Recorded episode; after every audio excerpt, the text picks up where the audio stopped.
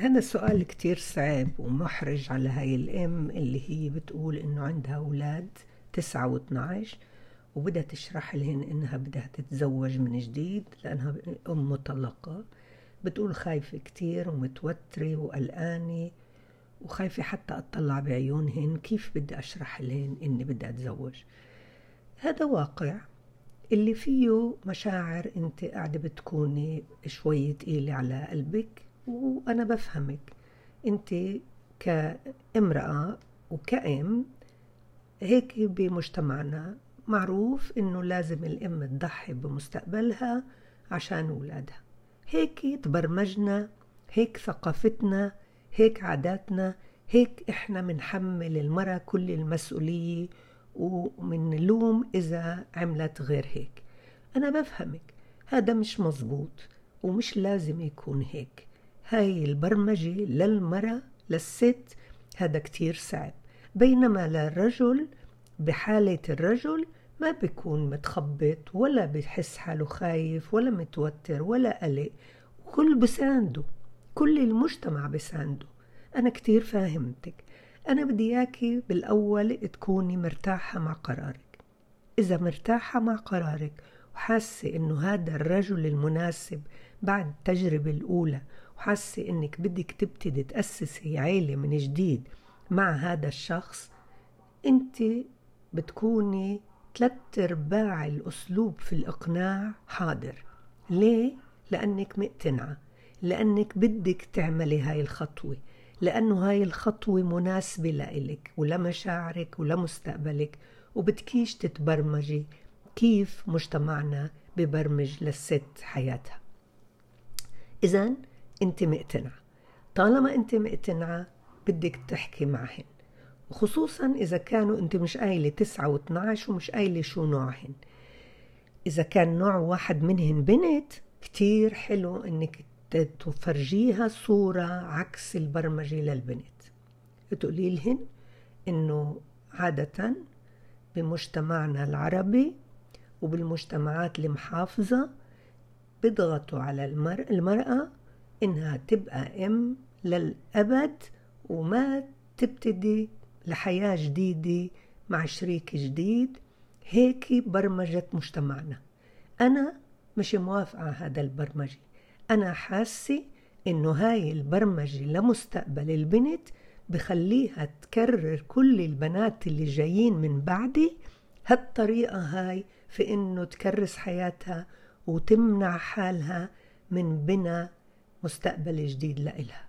أنا مقتنعة في إنه هذا الرجل اللي أجا هو الرجل المناسب وإنتوا بكرة بالمستقبل لما تكونوا مقتنعين بالشريك اللي بدكوا إياه أنا رح أشجعكم ورح أوقف معكم أنا بعرف إنه يمكن بالبداية رح يكون عندكم هذا الأمر صعب لكن أنتوا بدكم تتذكروا وبكتير حنية بدك تعبطي وبدك تغمري وتقولي لهن انت 12 سنة كمان ست سنين بدك تصير 18 يعني انت بدك تكون تفرد جناحاتك وتطير.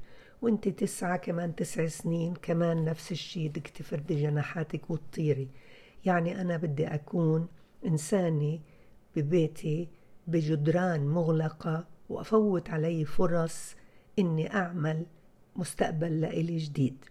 أنا شايفة إنه أنتوا رح تعيشوا معي مش رح أقصر بأي واجب وأي عاطفة وأي حب معاكم رح أبقى مثل ما أنا. وإذا لاحظتوا أي تغيير أعطوني ملاحظة أعطوني إشارة.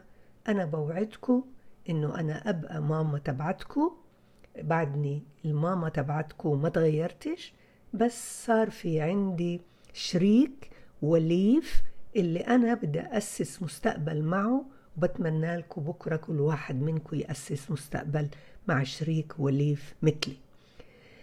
وبدي إياكم تعرفوا إنه أنا بعمل هاي الخطوة مش بس عشان نفسي أنا بعمل هاي الخطوة لأنه بدي هذا البرنامج اللي عاملينه بالمجتمع المغلق اللي بظلم البنت إنه هقول لكل بنت إنه إذا لقيت الشريك المناسب اللي تحسي إنك بدك تبدي معاه حياة جديدة بتقدري تقرري وبتقدري تكوني قد المسؤولية وتحملي هالقرار هاد تبعك اللي تخلي ولادك يحسوا إنك أنت ما قصرتي وما رح تقصري فيهن وتبتدي حياتك الجديدة.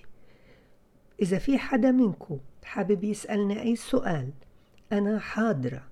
بكل وقت لأنه تسعة واتناش إسا هن عمر المنطق المنطق المجرد اللي حتى فيه هذا العمر صار عندهن القيم والحب وقصص الحب كتير بتشدهن كتير بهمهن هذا. فما تخافي بدي شوي مهم كتير إنك تصبري. إذا شفت ردة فعل فيها هيك عدم موافقة هن حرين بردة الفعل تبعتهن. ما تجربي تمنعيهن من هاي ردة الفعل. أهم إشي يعيشوا التجربة بعدين لما أنت تأسسي هالعيلة جديدة ويشوفوا أنك أنت بقيتي أمهن وما تغيرتي. وكمان بدي أقول لك توقعي يمكن يكون في ردة فعل عدم موافقة اعتراض طلب المزيد بدهن أكثر الماما تكون معهن. هذا حقهن يعبروا عنه. مسموح لهن يعبروا عنه. وحقك انت تعبري كمان عن مشاعرك بإنك انت بدك تخطي هاي الخطوة مقتنعة فيها وضلك دايما رافعة انتناتك تلتقطي كل آه، إشارة بأنه يعبروا فيها عن مشاعرهن إن كانت مشاعر سلبية عن إنهن يوقعوا بخطأ حتى مرات كتير بردود فعلهن. توقع هذا وما يكون عندك أي تردد.